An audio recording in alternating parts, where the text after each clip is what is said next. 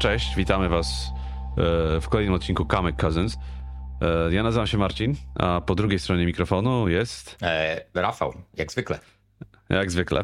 I dzisiaj powiemy sobie nie o tym, co czytamy, nie o tym, jak czytamy, tylko o tym, gdzie czytamy. Gdzie, gdzie, gdzie, gdzie, gdzie. No, poza standardową miejscówką, e, czyli fotel, mhm. czyli czyli kanapa, to takie najdziwniejsze miejsce, w którym czytałeś komiks, Rafale, to jest gdzie? Najdziwniejsze miejsce, w którym czytałem komiks. Eee, no to mnie, to mnie zastrzeliłeś trochę, bo jedyne, co może mi przyjść na myśl, to e, prawdopodobnie jakiś empik albo antykwariat jakiś z komiksami na jakimś zydelku.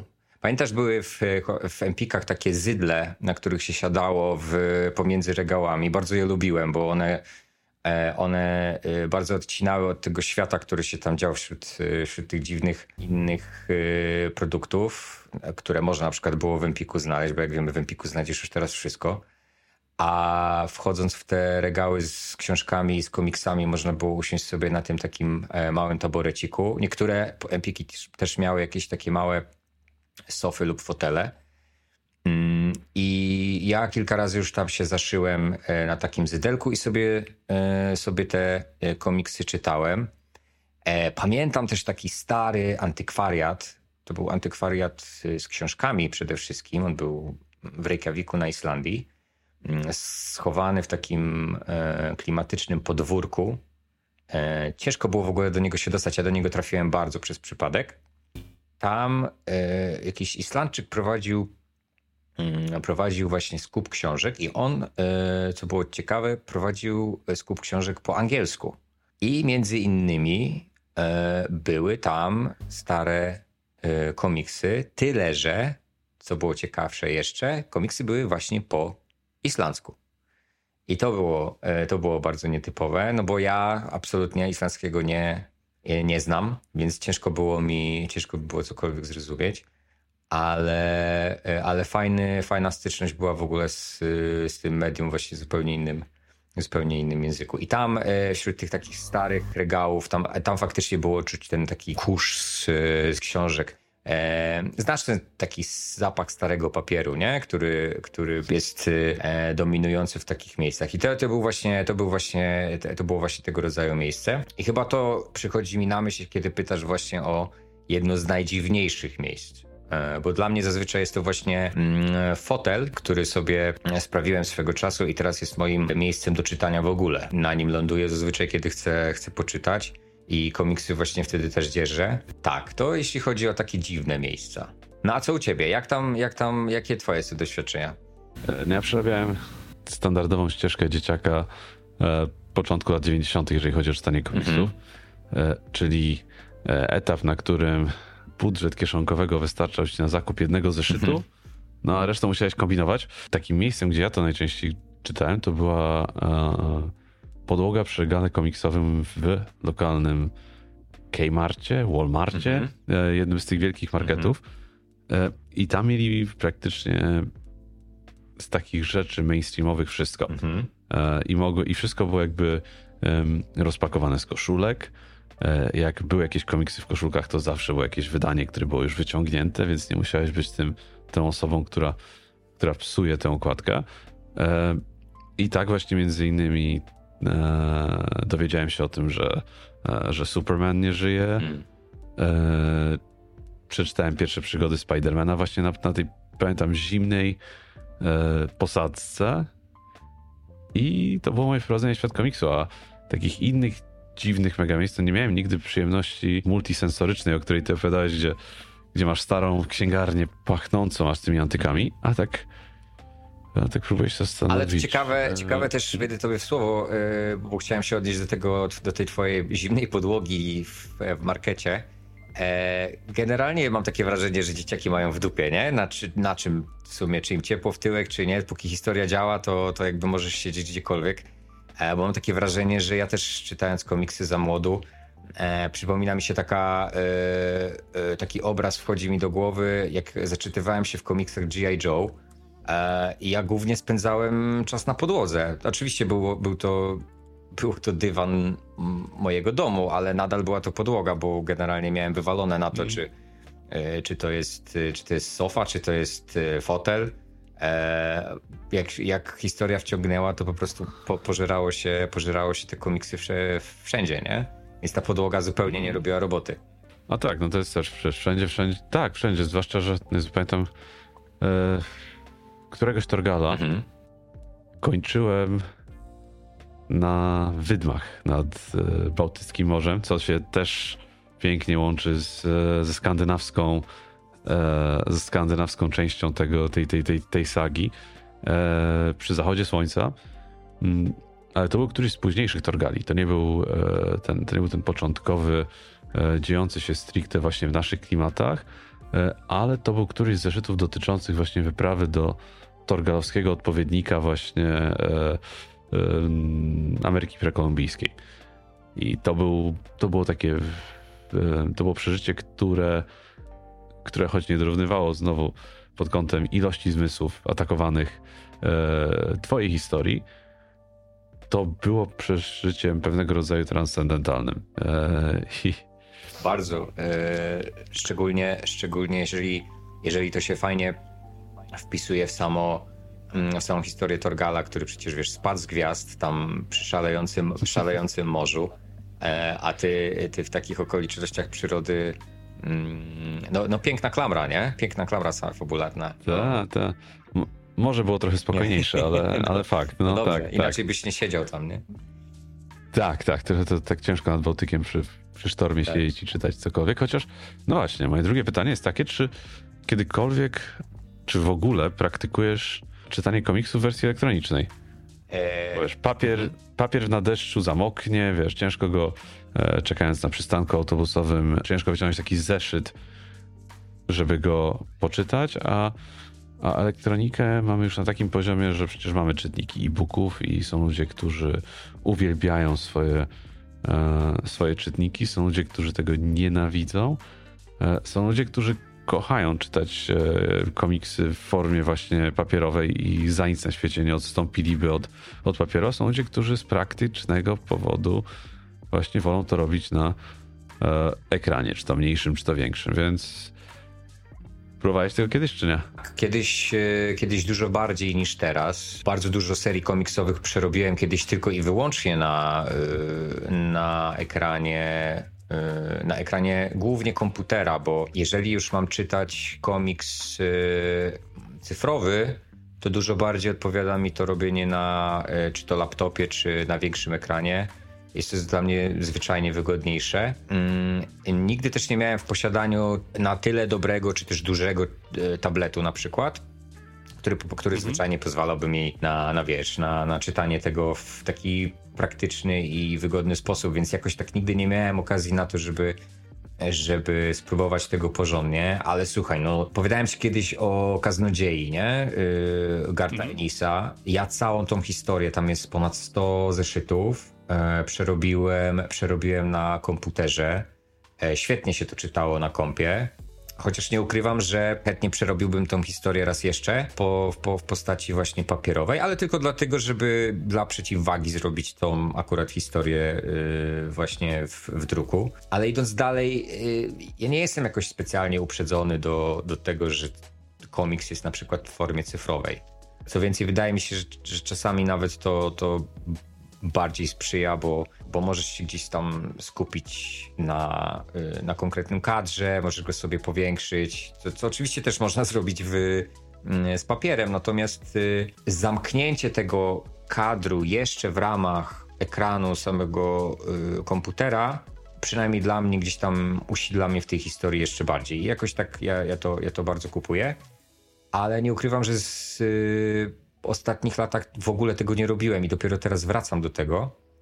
Na przestrzeni ostatnich kilku no, miesięcy tak naprawdę zacząłem wracać do tego i mm, przeglądam sobie, przeglądam sobie komiksy, których akurat nigdy nie czytałem. Więc na przykład Ligę Niezwykłych Dżentelmenów Mora e, sobie sprawiłem i czeka na przeczytanie. Co, e, co też jest fajne, bo, bo ta historia jest gęsta i te kadry są gęste. U Mura jest dość gęsto w ogóle I, I myślę, że e, fakt, że to będzie na kompie, to jakoś tak pozwoli mi bardziej, bardziej się wkręcić w historię i gdzieś tak się zakotwiczyć. No właśnie, właśnie tak mnie bardziej kotwiczy, mam, mam wrażenie. Yy, jak przeglądam sobie te kadry, czy te plansze pojedynczo i, i gdzieś tam mogę się skupić na nich bardziej. Ja mam w ogóle taki yy, umysł dość mhm. rozbiegany, yy, jeśli chodzi właśnie o, o sposób, sposób analizy pewnych rzeczy, więc ten taki, ten taki, taka kotwica właśnie w postaci tego zblokowania kadru mi bardzo jest na rękę, więc z chęcią właśnie wracam teraz po, po wielu latach do tego konsumowania komiksów w ten sposób. Wiesz, zawsze i tak wrócę do, chętnie do komiksów w postaci papierowej, no bo od tego zawsze zaczynaliśmy, ale no mówię, nie jestem jakiś, e, jakimś purystą teraz, żeby mówić nie, nie, absolutnie. Cały czas myślę o swojej odpowiedzi na ten temat, bo to, co powiedziałeś, to jak najbardziej ma, ma sens. Ja lubię w ogóle bawić się wtedy kadrem. Mhm. Jeżeli już czytam wersję elektroniczną, to czytam, wersję, to czytam na tablecie, a ponieważ do tabletu mam, mam gładzik, to sobie wtedy mogę się trochę pobawić. Mhm. Mogę sobie robić pewne szkice, notatki, rzeczy, na które bym sobie nigdy nie pozwolił przy jakimś kolekcjonerskim komiksie na kredowym papierze napisanym. Tak. I to jest jakby przemawiana, przemawiana korzyść komiksu e, elektronicznego. E, no i kolejną rzeczą, to jest właśnie też sprawdziłem, to jest dostępność tytułów. To jest coś, co pewne wydawnictwa cały czas z różnych powodów e, są na, pols nie są na polski tłumaczone. E, ja mam taką rysowniczkę, którą bardzo lubię. Ma takie. Mm, pisze takie historie dotyczące właśnie głównie dzieci, przeżyć dziecięcych, poczucia wyobcowania w społeczeństwie i tak dalej, i tak dalej. Nazywa się Vera Brosgol. Mhm. I Vera, poza tym, że właśnie pisze komiksy jest animatorką, która pracowała między innymi przy Coraline, z tego co wiem. Mhm. E, no, dziewczyna, która zdobyła i Eisnera, i Harveya właśnie za, e, no, za rysunki. I ma parę komiksów, które nadal do teraz, mimo tego, że ma takie, że, że, że no, osiągnęła takie laury, e, do tej pory jej twórczość nie jest tłumaczona na polski. Właściwie dostępność w Polsce jest bardzo, bardzo słaba. Mhm. E, a jeżeli jest już dostępna, to jest dostępna na zasadzie e, importu na zamówienie i ja wtedy werę, werę wolę czytać w wersji elektronicznej, niestety. No, jeżeli będę miał możliwość dostania wersji papierowej, czegoś co nie czytałem, no to jasne. Mhm. Czy to Ania's Ghost, czy, czy, czy Be Prepared, które są obydwa genialnymi e, opowieściami, tak? E, Be Prepared to jest, e, są przygody e, dziewczyny, która nie do końca pasuje do kultury amerykańskiej podczas obozu letniego z innymi dzieciakami. Mm. I generalnie, no właśnie, no to są rzeczy, których jakby na pierwszą, no nie są na wyciągnięcie ręki w Polsce, tak? Nie idziesz do pierwszego lepszego polskiego sklepu z komiksami i mówisz, a biorę to i kupuję, nie? Nawet jeżeli byłoby dostępne e, tylko i wyłącznie właśnie w e, oryginale, e, koszt zakupu czegoś takiego jest po prostu zaporowy, nie? Musiałbyś wyłożyć grube pieniądze, żeby, żeby nawet sprowadzić to do siebie czy nawet jeżeli byłoby dostępne tutaj na miejscu, no to e, jak wiemy, pozycje anglojęzyczne są zawsze dużo, dużo bardziej kosztowne, nie? Więc faktycznie, mm. faktycznie ta, ta wersja elektroniczna no po prostu jest, jest e, dużo łaskawsza dla kieszeni, nie? No, znaczy, no, znaczy wiesz, kieszeń, tak, tak, kieszeń to jest jedna, to jest też kolejna kwestia. E, bo mimo tego, że nie jesteśmy życiakami, które mają kieszonkowe na jeden zaszyt tylko, to, prawda, to, to prawda. czasem jak czasami jakbyś chciał uzupełnić e, kolekcję o wszystko, co, co, co byś chciał e, i co twoje dzieciaki by chciały, to, to, to robi się to całkiem niezła sumka. No, mój ulubiony przykład to mój starszy syn, który jest na etapie fascynacji Marvelem mhm. i Imperatywy Thanosa, która w wersji polskiej w twardej okładce na papierze kredowym to jest wydatek 200 e, paru złotych. Wow. Około 200 zł. No, więc, więc, jak najbardziej to jest też kwestia, no nie, nie da się ukryć, że jest to kwestia też e, też w pewnym sensie finansowa, bo jednak wydawnictwo elektroniczne jest tańsze, ale też jest to kwestia praktyczna, jest to kwestia też tego, że, że mogę sobie pozwolić z komiksem elektronicznym na zrobienie o wiele więcej, niż bym zrobił z komiksem tradycyjnym, papierowym. No dobrze, a to jest też ciekawe, co mówisz, bo yy, ja na przykład nigdy nie eksperymentowałem z kadrem. Co masz na myśli, że że gdzieś tam sobie pozwalasz na to? Czyli, czy robisz sobie notatki na przykład albo... Tak, tak. E, to jest kwestia głównie właśnie, znaczy notatki to jest mhm. jedno, a drugie to jest też kwestia rysowania sobie linii, wiesz? Mhm. Patrzenia jak e, ktoś, kto jednak jest albo wykształconym, albo praktykiem, jeżeli chodzi o kadrowanie, to ten kadr układa. Mhm. Wiesz, ja to robię głównie z punktu widzenia też wykorzystywania tego do zdjęć, tak? Pewne kadry w komiksie wyglądają fajnie, fajnie się tłumaczą też na fotografii i na wideo. Mhm. Ale żeby wiedzieć, jak one się tłumaczą, to warto czasami też je wtedy sobie, wiesz, prześledzić. Nawet tak jak za dzieciaka kiedyś pamiętasz, jak chcieliśmy narysować, chciałeś narysować Spidermana, to, to za którymś razem już nie rysowałeś odręcznie, bo ci nie wychodził, tylko brałeś i kalkowałeś tego Spidermana. Tak, tak tutaj też, no, Banksy e, mówił o dobrych artystach, którzy kradną. Mhm. No tak to warto też ukraść od kogoś, kto jednak, kto jednak zęby zjadł na, na rysowaniu tego typu, wiesz, e, struktur, kadrów, połączeń, na kompozycji. Nie wiem, że każdy kadr komiksowy, jak nie każde zdjęcie jest, wiesz, jest e, jakby studium przypadku, mhm ale sporo kadrów się pięknie układa. Zresztą widać to w filmach, wiesz, no to jest e, jak często przy adaptacjach komiksowych, no to wraca nieśmiertelny Miller. Wiesz, wykorzystuje się właśnie jeden do jednego kadr, który pojawił się wcześniej w jakimś zeszycie, tak? No Sin City miałeś przecież kiedyś e, mashupy kadrów z komiksu e, z kadrami z filmu, gdzie mm -hmm. było to jeden do jednego praktycznie tam zrobione i czy, czy, czy 300, czy, e, czy niektóre też e, ukłony, chociażby właśnie nawet Marvelu wobec rysowników oryginalnych, nie?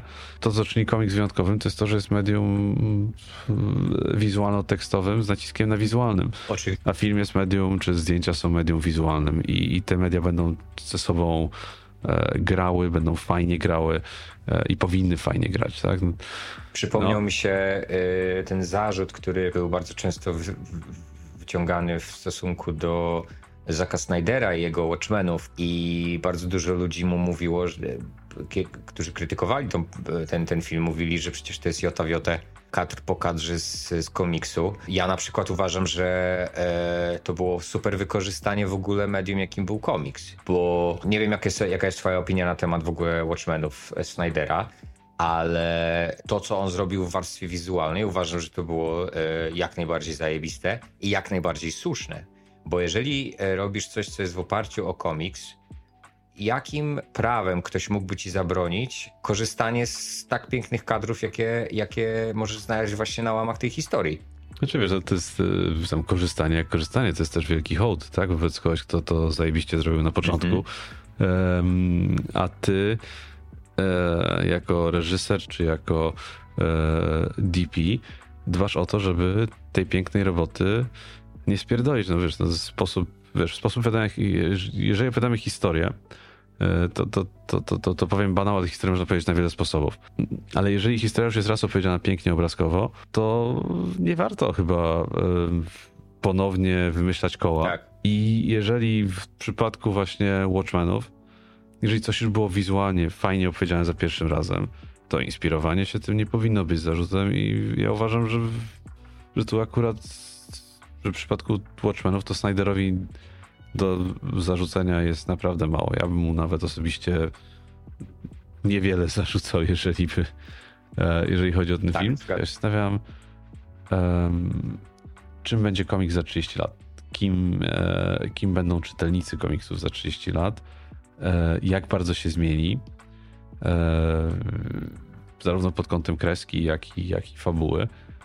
Bo no nie da się ukryć, E, my byliśmy też pewnego, świadkami pewnego rodzaju rewolucji w komiksie, bo za naszego dzieciństwa wszystko było rysowane jednak ręcznie, było inkowane ręcznie, e, raczej ręcznie, w sensie na fizycznym papierze, na fizycznym, e, no, e, fizycznym ołówkiem, fizycznym tuszem.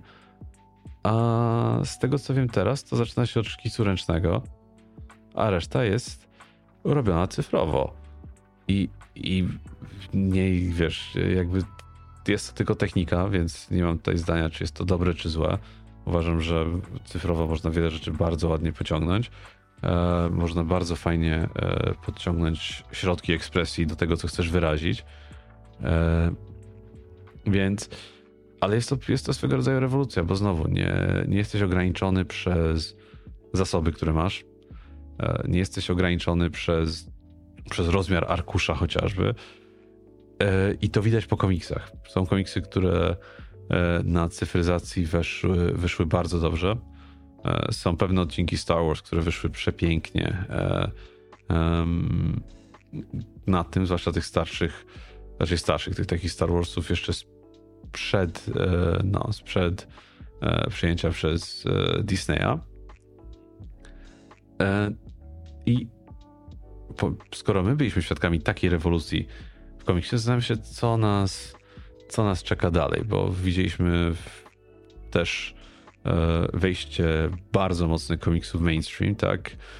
E, gdzie e, w czasach naszego dzieciństwa jednak mimo wszystko e, e, komiks był czymś niszowym albo dziecięcym.